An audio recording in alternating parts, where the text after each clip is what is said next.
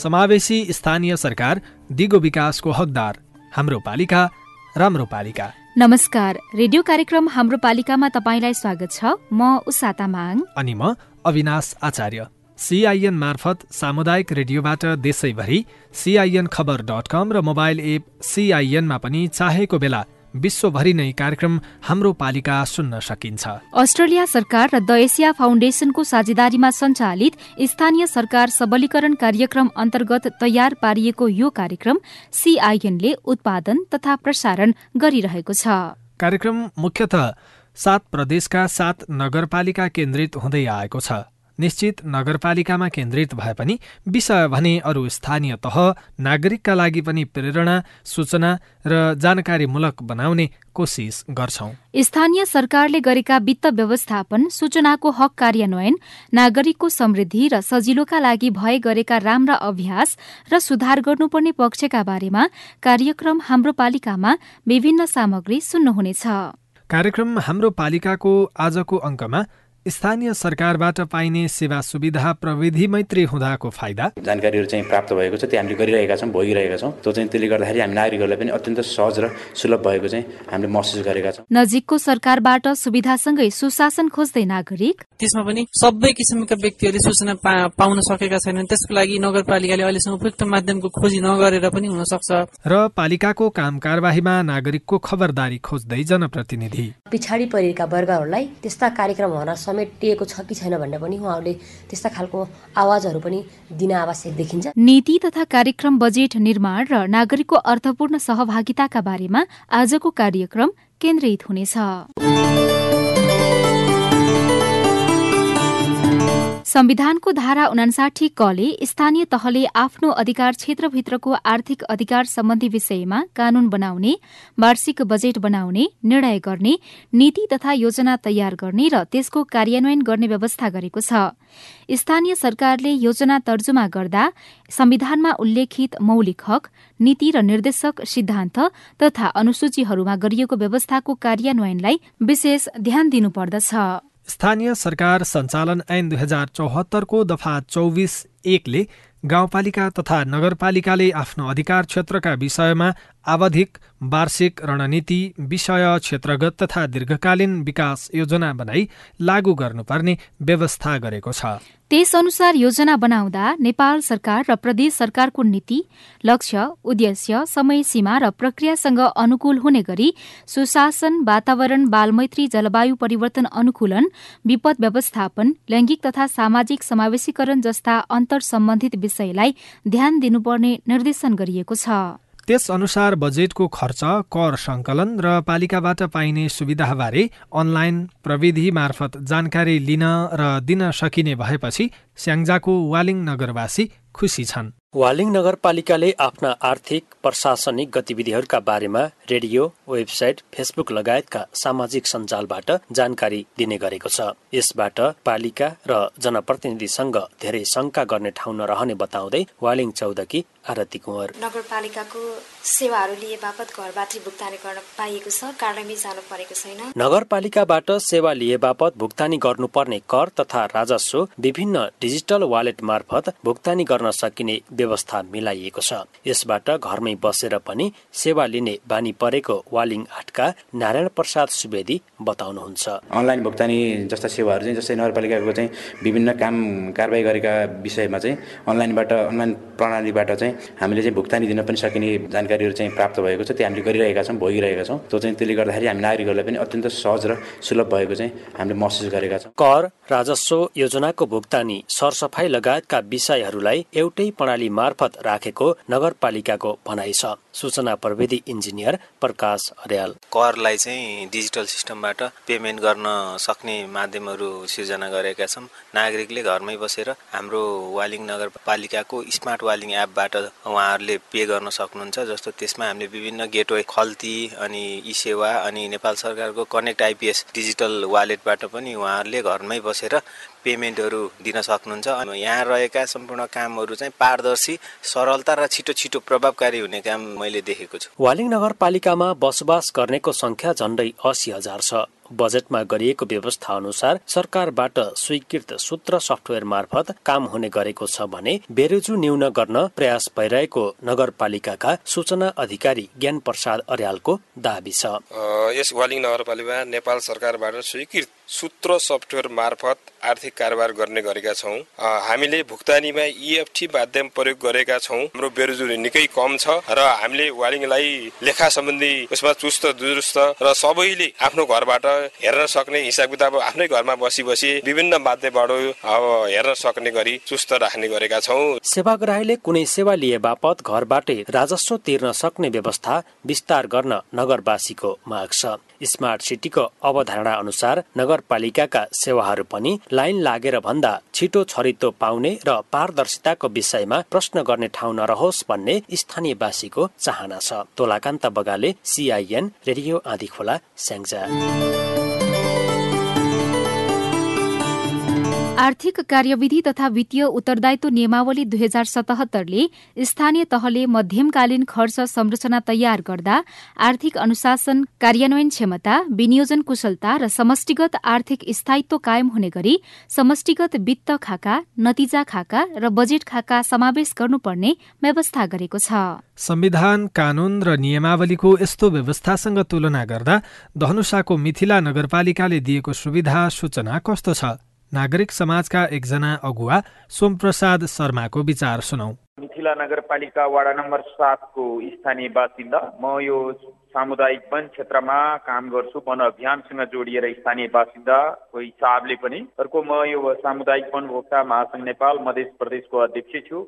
मूल रूपमा मिथिला नगरपालिकाले आफ्नो हरेक वर्ष योजना तर्जुमा पश्चात वाडाहरूलाई छुट्याइएका जुन बजेट तर्जुमा गरे पश्चातका जुन कामका गतिविधिहरू छन्। विशेष गरी मङ्सिर पुससम्म कुनै पनि अन्य निर्माणका काम वा विकासका चरणका काम नहुने गरेको र पुस माघ फागुन सुरु भइसकेपछि बल्ल उपभोक्ता समिति गठन गर्ने आदि प्रक्रियागत रूपले अगाडि बढ्ने जुन प्रचलन छ तथापि वाडा कार्यालयहरू र कार्यपालिका सम्बन्धित टिमहरूको बिचमा चाहिँ यसको औपचारिक लिने दिने जानकारी गर्ने गराउने कामहरू भइरहेको छ। आम पब्लिकहरूको बिचमा जुन अझ ट्रान्सपरेन्ट हुने गरी होर्डिङ बोर्ड राख्ने विकास निर्माणका कामहरूको त्यसको लागि अझ व्यवस्थित ढङ्गले मोनिटरिङ गर्ने यो पाटोहरू मिथिला नगरपालिकाले अझ बढी क्रियाशीलताका साथ अगाडि बढाउनु पर्ने हो त्यो हुन सकिरहेको छैन। भर्खरै सबै वाडाहरूले अहिले सार्वजनिक सूचना जारी गरेर उपभोक्ता समिति गठन गर्ने तिथि मिति तय गरेको म देखिरहेको छु यो एक महिनाभित्रमा।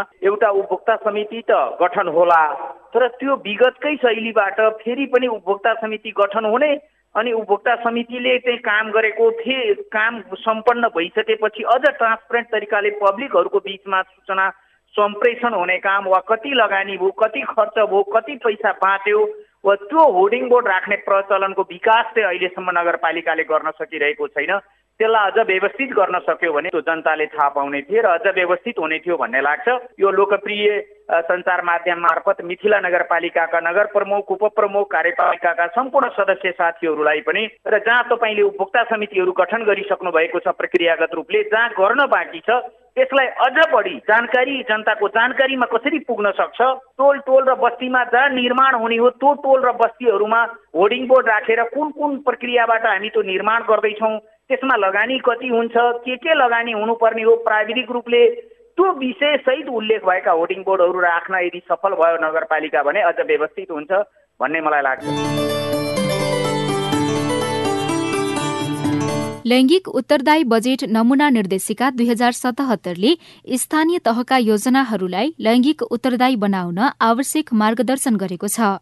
महिला बालबालिका अपाङ्गता भएको व्यक्तिको अधिकार लगायतका अन्तर्राष्ट्रिय अभिसन्धिहरूको पक्ष राष्ट्र नेपाल भएकोले लैङ्गिक समानता महिला सशक्तिकरण र सामाजिक समावेशीकरणलाई कानूनी रूपमा स्वीकार पनि गरिएको छ। तर सुर्खेतको वीरेन्द्रनगरका बासिन्दा अपाङ्गता भएका व्यक्तिले स्थानीय सरकारले बजेट निर्माण र कार्यान्वयनमा अझ धेरै छलफल र अन्तर्क्रिया गरून् भन्ने अपेक्षामा छन्। विशेष गरी नगरपालिकाले प्रदान गर्ने गरेका काम र गतिविधिहरू बारेमा चाहिँ खास गरी नागरिकहरूले त्यति धेरै सूचनाहरू पाइरहेको मैले पाउँदैन। किनभने नगरपालिकाले सूचित गर्ने संयन्त्रहरू यन्त्रहरू चाहिँ सूचना प्रणालीहरू त्यति व्यवस्थित रूपमा आम जनताको पहुँचमा छन् जस्तो लाग्दैन। किनभने सबै मान्छेले नेट इन्टरनेटको माध्यमबाट मोबाइलको माध्यमबाट हेर्ने कुराहरू चाहिँ होला। आम जो गिट्टी कुटेर खान्छन् ती सर्वसाधारण जनतासम्म यी सूचना नगरपालिका यहाँ दिइरहेछ भने जबसम्म उसले खोज्दैन तबसम्म नभेट्ने अवस्था चाहिँ छ। मेरो नाम नगेन थापा। बिना पहाड सुर्खेत नगरपालिकाले जनतालाई सूचनाको हक सम्बन्धी ठिकै गरेको देखिन्छ सूचना राम्रै दिन्छ प्रतिफल त अब काम गरेपछि आउने। वसन्त जयसी वीरेन्द्रनगर वडा नम्बर तिनमा बस्छु। वीरेन्द्रनगर नगरपालिकाबाट पाउने सूचनाको हकमा सूचना अहिलेसम्म पहुँचयुक्त तरिकाबाट विकास भएकै छैन र दोस्रो कुरा चाहिँ सूचना दिने कुरामा पनि ढिलो गरी मात्रै हामीसँग आइपुग्छ जस्तो लाग्छ। त्यसमा पनि सबै किसिमका व्यक्तिहरूले सूचना पाउन सकेका छैनन्। त्यसको लागि नगरपालिकाले अहिलेसम्म उपयुक्त माध्यमको खोजी नगरेर पनि हुन सक्छ र नागरिकले त्यसमा त्यताप्रति चासो राख्ने प्रवृत्ति घटेकोले नै हुन सक्छ इन्टरनेट रेडियो टेलिभिजन पत्र पत्रिका र सूचना पार्टीको उत्तिकै प्रयोग गर्नुपर्नेमा इन्टरनेटमा उपलब्ध हुने सूचनाहरू सबैका लागि अनुकूल नहुने नहुनाले पनि त्यो पाउने दर अलिक कमजोर देखिन्छ। नगरपालिका आफैले पनि सूचनाको प्रशोधन र भण्डारणका लागि पुराना सूचनाको वर्गीकरणसँगै उपयुक्त स्थितिबाट प्रदान गर्न सक्ने व्यवस्था मिलाउन सक्नुपर्नेमा त्यस्तो चाहिँ अहिलेसम्म भइरहेको नै छैन। नमस्कार मेरो नाम शान्ता शर्मा वीरेन्द्रनगर आठ खजुरा। अनि म एउटा दृष्टि सम्बन्धीको अपाङ्गता भएको व्यक्ति हो। वीरेन्द्रनगर नगरपालिकामा बुझ्नुहुन्छ कार्यक्रममा बोलाउनुहुन्छ बुझ्नुहुन्छ अनि हाम्रो अपाङ्ग संविधानको धारा दुई सय तीसमा गाउँपालिका र नगरपालिकाको राजस्व र व्ययको अनुमान स्थानीय कानून बमोजिम आफ्नो सभामा पेश गर्नुपर्ने व्यवस्था छ। स्थानीय सरकार सञ्चालन ऐन दुई हजार चौहत्तरको व्यवस्था गरी सो ऐनको दफा एकहत्तरमा असार दश गतेभित्र सभामा बजेट पेश गरिसक्नुपर्ने कानूनी व्यवस्था छ। त्यसको पन्ध्र दिनभित्र कार्यतालिका बनाई छलफलको काम सकेर असार मसान्तभित्रमा पारित गरिसक्नुपर्ने बाध्यकारी नीतिगत व्यवस्था गरिएको छ। बजेट निर्माण र कार्यान्वयनका लागि नागरिकबाट जनप्रतिनिधिको अपेक्षा के छ? एकैछिन दोलखाको भीमेश्वर नगरपालिकाका जनप्रतिनिधिको भनाइ सुनाउ। नमस्कार मेरो नाम किरण ओली ठेगाना भीमेश्वर नगरपालिका वडा नम्बर नौ लाकुई डाँडा दोलखा। म नगर कार्यपालिका सदस्य। जनताले लैङ्गिक समानताको आधारमा लैङ्गिक समान तथा समावेशीकरणको आधारमा सामाजिक समावेशीकरणको आधारमा हामीलाई त्यो तरिकाले समावेश गरिएको छ कि छैन भनेर नम्बर एकमा खबरदारी गर्नुपर्ने आवश्यक देखिन्छ। भूगोलको हिसाबले कार्यक्रम बनाउँदा भूगोलको आधारमा त्यस्ता व्यक्तिहरू परेका छन् कि छैनन् भन्ने कुराले पनि खबरदारी गर्न सकिन्छ। कार्यक्रमहरू अथवा क्रियाकलापहरूलाई कार्यहरूलाई उहाँहरूले अनुगमनको पाटो लिएर सजग बनाउन पनि आवश्यक देखिन्छ। विपन्न वर्ग लक्षित वर्गहरू र पछाडि परेका वर्गहरूलाई त्यस्ता कार्यक्रमहरूमा समेटिएको छ कि छैन भनेर पनि उहाँहरूले त्यस्ता खालको आवाजहरू पनि दिन आवश्यक देखिन्छ। म स्टालिन श्रेष्ठ भीमेश्वर नगरपालिका दुई नम्बर वडाको हालै निर्वाचित वडाध्यक्ष। तपाईँले रातको बाह्र बजी पनि तपाईँले परेको समस्या मलाई जुनसुकै बेला भन्नुहोस्। गल्ती छ कर्मचारीबाट हाम्रो जनप्रतिनिधिबाट अथवा मेरै स्वयंमा मेरो गल्ती कमी कमजोरी भयो भने यहाँले जतिखेर पनि मलाई फोन गरेर भन्नु सक्नुहुन्छ म कुनै पनि त्यसमा चाहिँ सुधार्ने मेरो चाहिँ पक्ष रहन्छ। र तपाईँको सेवामा तलिन्छु भनेर मैले बारम्बार भनेको छु। मलाई जनताहरूले फोन गर्नुहुन्छ यस्तो भयो हजुर उस्तो भयो भन्नुहुन्छ अहिले त फेसबुकको चलन छ फेसबुकमा हाल्नुहुन्छ म त प्रतिकारमा जान्न म त्यसलाई चाहिँ सशस्त्र स्वीकार्छु र गुणस्तर भएन भने मलाई अहिले एक दुई ठाउँ योजनामा रोकेर विवाद मन्दप उहाँले सुझाव दिनुभयो। यहाँ चाहिँ गुणस्तर अनुसारको काम भएको छैन भनेपछि उपभोक्ता समितिलाई काम रोक्नु भनेर अनुरोध गरेँ। हरेक कुरामा त्यो हुनुपर्ने गुणस्तर अनुसार जस्तो कि प्राविधिकले यो किसिमको चाहिँ गर्नुपर्छ भनेको त्यो अनुसारको भएन भने त्यो खबरदारी गर्नुहुन्छ। त्यो अनुसारको चाहिँ मैले प्रयत्न गरेको छु। म चाहिँ गुणस्तरमा चाहिँ कम्प्रोमाइज गर्दिनँ। मैले त्यो चाहिँ कराईको रूपलाई म अनुगमन गर्छु। जनप्रतिनिधि हुन्छ सबैले जिम्मेवारी दिएको छौँ। र त्यसमा खबरदारी गर्नुहोस् भनेर मैले सबैलाई भनेको छु। स्थानीय तहको वार्षिक योजना तथा बजेट तर्जुमा प्रक्रियाका चरण अन्तर्गत मंगिर मसान्तभित्रमा विषय क्षेत्रसँग सम्बन्धित सूचना संकलन र विश्लेषण गरी स्थिति पत्र अद्यावधिक गरिसक्नुपर्छ। पुष पन्ध्र गतेभित्र आगामी तीन आर्थिक वर्षमा हुने खर्चको प्रक्षेपण सहितको मध्यमकालीन खर्च संरचना सहित कार्यक्षेत्रभित्रका विषयहरूमा हुने सार्वजनिक खर्चको विवरण तयार गर्ने अनि आगामी आर्थिक वर्षको राजस्व आन्तरिक आय राजस्व बाँडफाँड रोयल्टी अनुदान र ऋणको प्रक्षेपण र अनुमान तयार गर्नुपर्दछ। अब कैलालीको टिकापुर नगरपालिकातर्फ लागौं। बजेट निर्माणका सिद्धान्त र कार्यान्वयनमा नगरवासीलाई कसरी समावेश गर्ने गरिएको छ? टिकापुर नगरपालिकाका प्रमुख रामलाल डगौरा थारूसँग टिकापुर एफएमका सहकर्मी ईश्वर साउदले कुराकानी गर्नुभएको छ। टिकापुर नगरपालिकाको बजेट निर्माण गर्दाखेरि सबभन्दा सुरु हामी ओडा कार्यालयलाई पत्रचार गर्छौँ नगरपालिकाबाट। तपाईँहरू पहिला टोलमा गएर गाउँ गाउँमा गएर टोल भेला गर्दै टोल भेलाबाट नै योजना मागहरू लिने। ती योजना माग आइसकेपछि फेरि त्यसलाई चाहिँ प्राथमिकरण गरेर वडा समितिले पठाउने अनि त्यहीँबाट चाहिँ बजेटहरू चाहिँ हामी बाँडफाँड गर्ने र बजेट विनियोजन गर्ने काम गर्छौँ भने। र अर्कोतर्फ अब ती वडाबाट आएका ती योजनाहरू अनि फेरि खर्च देखाउने कार्यक्रम हुन्छ। खर्चमा अब हामी विभिन्न किसिमका सार्वजनिक चुनावहरू सामाजिक परीक्षणहरू गर्दै हामी अगाडि बढाइरहेका हुन्छौँ। यसमा चाहिँ नागरिकहरूको सहभागिता कतिको रहन्छ? हामी आम नागरिकलाई चाहिँ प्रत्येक योजनाको सामाजिक परीक्षण गर्छौँ सार्वजनिक चुनाव गर्छौँ। हाम्रो नीतिगत रूपमा चाहिँ हामी सबैलाई चाहिँ नागरिकहरूको प्रत्यक्ष रूपमा सहभागिता गराएर सामाजिक परीक्षण गरेर आउने। कुन बजेटमा कुन कति बज्यो कति लागत भयो कति खर्च कहाँ भयो भनेर सबै कुरा चाहिँ विस्तृत रूपमा चाहिँ त्यहाँको उपभोक्ता समितिसँगै जोडेर चाहिँ चाहिँ सामाजिक परीक्षण गराउँदै अगाडि बढाइरहेको अवस्था छ। तपाईँ त यसभन्दा अगाडि पनि वडा अध्यक्ष भएर एक कार्यकाल खानुभएको र दोस्रो कार्यकालमा चाहिँ नगर प्रमुख भएर आउनु भएको छ। नागरिकलाई जो सूचना बाँड्ने प्रक्रिया छ नि यो बजेट नीति तथा कार्यक्रमलाई कसरी अगाडि बढाउनुहुन्छ? वास्तवमा हेर्ने हो भने अब मान्छे अनुसारको पनि फरक पर्दो रहेछ। तर अब म वडा अध्यक्ष हुँदै आउँदासम्म अब म सबैभन्दा कुरा अब टोल भेला हुँदै बजेट बनाउँदै बजेट बनाए बनाएर चाहिँ कार्यान्वयनको पाटोमा जाने कार्यान्वयन बाटो गएर प्रत्येक उपभोक्ता समितिमा अनुगमन समिति बनाउने अनि सामाजिक परीक्षण गर्दै अगाडि बढाउने त्यो हामीले प्रावधान गरेका थियौँ भने र विशेष गरी तपाईँको स्थानीय सरकार स्थानीय तहको कार्यक्रममा चाहिँ तपाईँको टोल भेलाबाट कार्यक्रम ल्याउँदै पैसा विनियोजन पनि टेनुरापले गर्ने तर प्रदेश सरकारको जुन कार्यक्रम हुन्छ बजेट बनाउँदाखेरि न उहाँहरू बजेट बनाउँदा जनताहरूसँग अनुमोदन गर्नुहुन्छ न तपाईँको योजना जनतासँग लिन जानुहुन्छ फेरि पनि तपाईँको आफ्ना कार्यकर्ता आफ्ना नेता आफ्ना पार्टीका शुभचिन्तकहरूसँगै जोडेर जाँदाखेरि यसले अलि भ्रष्टाचारको रूपमा अगाडि बढेको छ। तर स्थानीय लेभलमा चाहिँ त्यस्तो जहाँसम्म मलाई लाग्दैन। किनकि योजना लिन खालि फेरि जनतासँग जाने र फेरि सामाजिक परीक्षण गर्ने र फेरि सार्वजनिक सुनाउ हुन्छ। लगायतका यहट कुराहरू पुरै प्रक्रिया पद्धति सिस्टममा चाहिँ गएको कुरा म प्रत्यक्ष रूपमा देखिराखेका छु र आफै पनि गरिराखेका छु। अब विशेष गरी अब हामीले यो प्रभावकारी बनाउनको लागि तपाईँको अब हामी प्रत्येक टोल टोलमा सूचना केन्द्र चाहिँ निर्माण गर्ने र सूचना पार्टीहरू चाहिँ बनाइदिने र प्रत्येक टोल टोलमा बरघर भलमन्सा र उपयुक्त सार्वजनिक ठाउँमा होइन सूचना प्रभाव पनि गर्ने काम त्यसरी गरेका थियौँ र गर्दै आइरहेका पनि छौँ।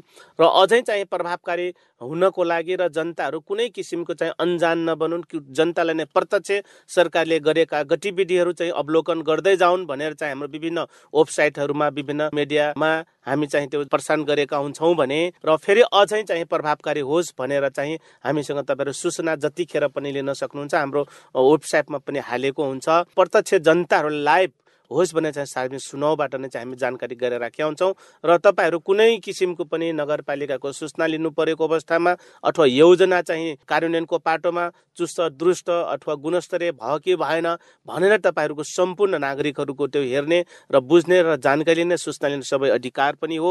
र त्यसमा पनि तपाईँहरू कुनै किसिमको तपाईँहरू जनता जनार्दन हुन्छ जनताले चाहिँ राम्रा नराम्रा गतिविधिहरूलाई अवलोकन गर्न तपाईँहरू हाम्रो सूचना शाखा हुन्छ। सूचना शाखाबाट पनि तपाईँहरू लिन सक्नु सक्नुहुन्छ र विषयगत शाखामा गएर चाहिँ तपाईँहरू विषयगत शाखाहरूको पनि तथ्यहरू अवलोकन गर्न र लिन सक्नुहुनेछ।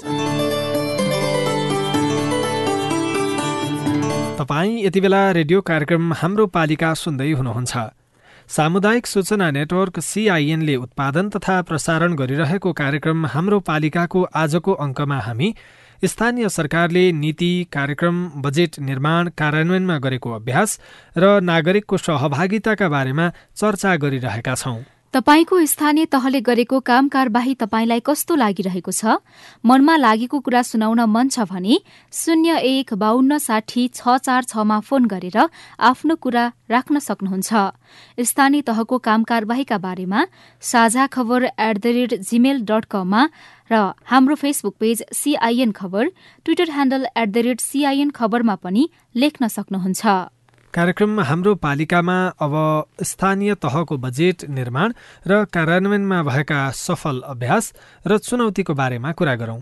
नेपालको संविधान स्थानीय सरकार सञ्चालन ऐन राष्ट्रिय प्राकृतिक स्रोत तथा वित्त आयोग ऐन सङ्घ तथा प्रदेशले जारी गरेका नीति मापदण्ड तथा कानून अनुसार स्थानीय तहले बजेट तथा योजना तर्जुमा गर्नुपर्छ। आर्थिक कार्यविधि तथा उत्तरदायित्व ऐन स्थानीय तहको वार्षिक योजना तथा बजेट दिग्दर्शन दिगो विकासका लक्ष्यहरू राजस्व परामर्श समितिको प्रतिवेदन लगायतका आधारहरूको परिपालनामा विगतमा कस्तो रह्यो र नागरिकलाई सूचित गर्न के कस्ता अभ्यास हुनुपर्छ? साथी लील प्रकाश चन्दले पूर्व अर्थ सचिव तथा राष्ट्रिय सूचना आयोगका पूर्व प्रमुख कृष्णहरि बास्कोटासँग कुराकानी गर्नुभएको छ। पहिलो पटक चाहिँ निर्वाचित भएकाले दोस्रो तेस्रो चौथो पाँचौँ वर्षमा बजेट निर्माणमा अलिकति संशोधन त गर्न थाले। तैपनि अझै पनि पालिकामा ठुलो समस्या के छ भने मेयर र उपमेयरको बहुमत छैन। वडा अध्यक्षहरूको बहुमत छ। यस्तो अवस्था छ एकातिर। दोस्रोतिर चाहिँ वडा अध्यक्षहरूले कार्यपालिकाको बैठकमा टेबल ठटाएर हाम्रो वडा वडाको लिए भन्छन्। अर्थात् एक करोडको बजेट बनाउनु पऱ्यो भने पन्ध्रवटा छन् भने उनले चाहिँ करिब करिब एक दामासाई जस्तो पाँच छ करोड पाँच छ करोडको दरले पार्छन्। वास्तवमा वडागत रूपमा चाहिँ बजेटको सिलिङ तोक्न मिल्दैन। क्षेत्रगत विषयगत रूपमा चाहिँ स्वास्थ्य क्षेत्रमा कति शिक्षा क्षेत्रमा कति भन्नुपर्छ। अनि स्वास्थ्य शिक्षामा वडामा बजेट पर्ने हो। पहिलो कुरो त्यसरी जानुपर्छ। आम जनताले पनि नचाहिँदो कुरो मागे भने पालिकामा जो नेतृत्व तहमा गएका छन् तपाईँलाई यसले भन्दा यसले लाभ पुग्छ भन्ने हुनुपर्छ। चित्त बुझाएर तपाईँले भन्नुभयो यो थियो मैले यो गरेँ। यो गर्दा तपाईँलाई यस कारणले हित हुन्छ। तपाईँले मागेको चिज गर्दाखेरि यस्तो हित हुन्छ। भनेर बुझाउन सक्नेलाई मात्रै राजनेता त्यागी समाजसेवी भनिन्छ। होइन फुइफुट्टा गर्ने अब अनावश्यक चाहिँ राजनैतिक दलको आवरणमा चाहिँ आश्वासन दिने अथवा चाहिँ पैसा बाँड्ने अथवा चाहिँ बुथ क्याप्चर गरेर जित्ने अथवा गुन्डा परिचालन गरेर जित्ने यस्ताले चाहिँ यही तपाईँले भने जस्तो जनताले जे भने त्यही गर्छन्। किन उनलाई अर्को पटकको चुनावको जित्नुको आतुरी हुन्छ।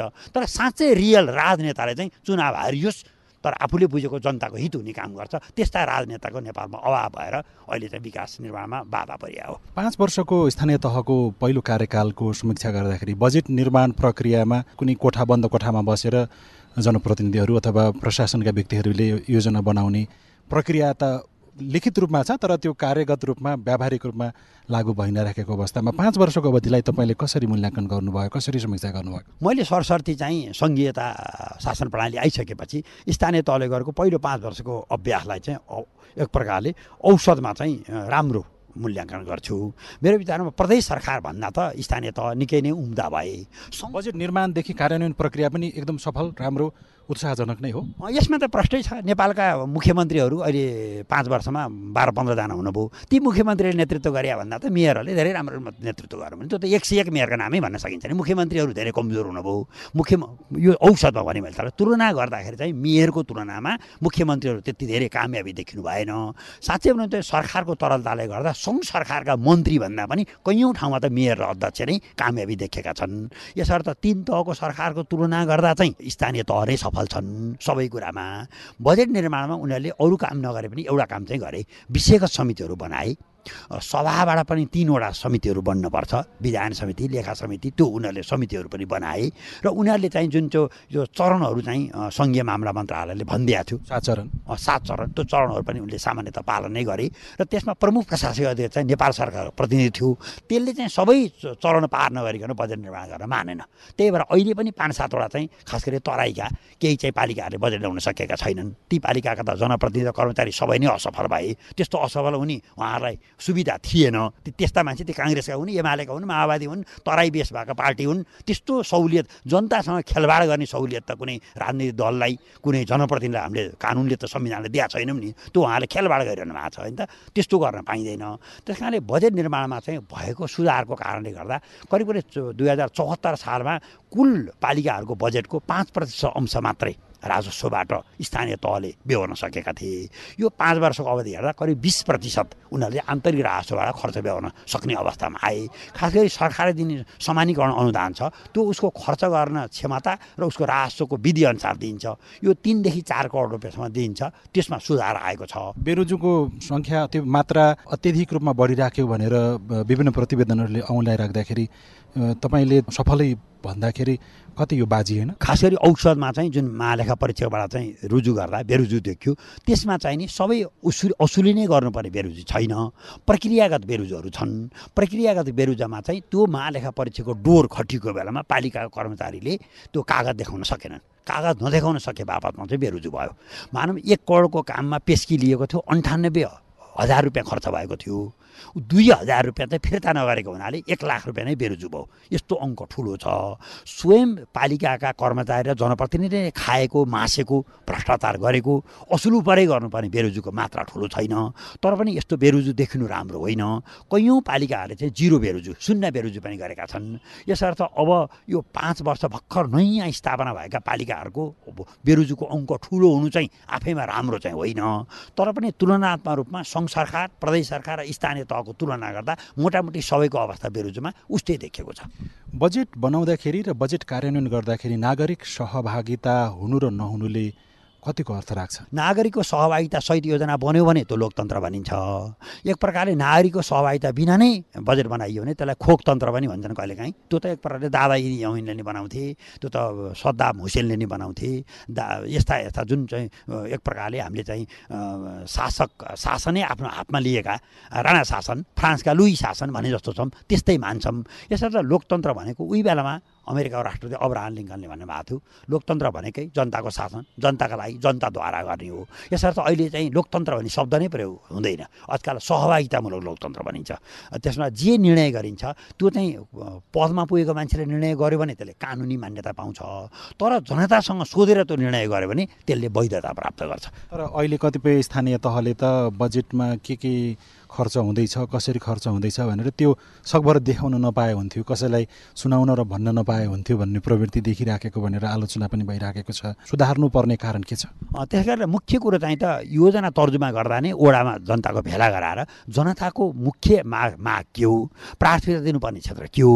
कानुनले भनेको प्राथमिकता दिनुपर्ने क्षेत्रलाई विचार गरेर नै हामीले बजेट निर्माण गर्नुपर्छ पहिलो कुरो दोस्रो कुरा भनेको चाहिँ बजेट कार्यान्वयनको चरणमा पनि हामीले नागरिकबाट चाहिँ वाचडगको रूपमा नागरिकको भूमिका राम्रैसँग खोज्नुपर्छ र नागरिकबाट नै बजेट कार्यान्वयनको अनुगमन गराउनुपर्छ तेस्रो कुरा भनेको चाहिँ केही कुराहरू छन् जस्तो त्यो प्रत्येक वर्षमा तिन पटक सार्वजनिक सुनवाई गर्नैपर्छ कुनै पनि काम सम्पन्न भएपछि त्यसको सामाजिक परीक्षण गर्नैपर्छ प्रत्येक महिनाको एक गते भएको खर्चको सार्वजनिक खर्चको चाहिँ सार्वजनिक गर्नैपर्छ र नागरिकले माग गरेको सूचना दिनैपर्छ र सङ्घ सरकार र प्रदेश सरकारलाई दिनुपर्ने विभिन्न रिपोर्टिङहरू छन् आफ्ना प्रगतिहरू त्यो चाहिँ समयमा पठाउनै पर्छ।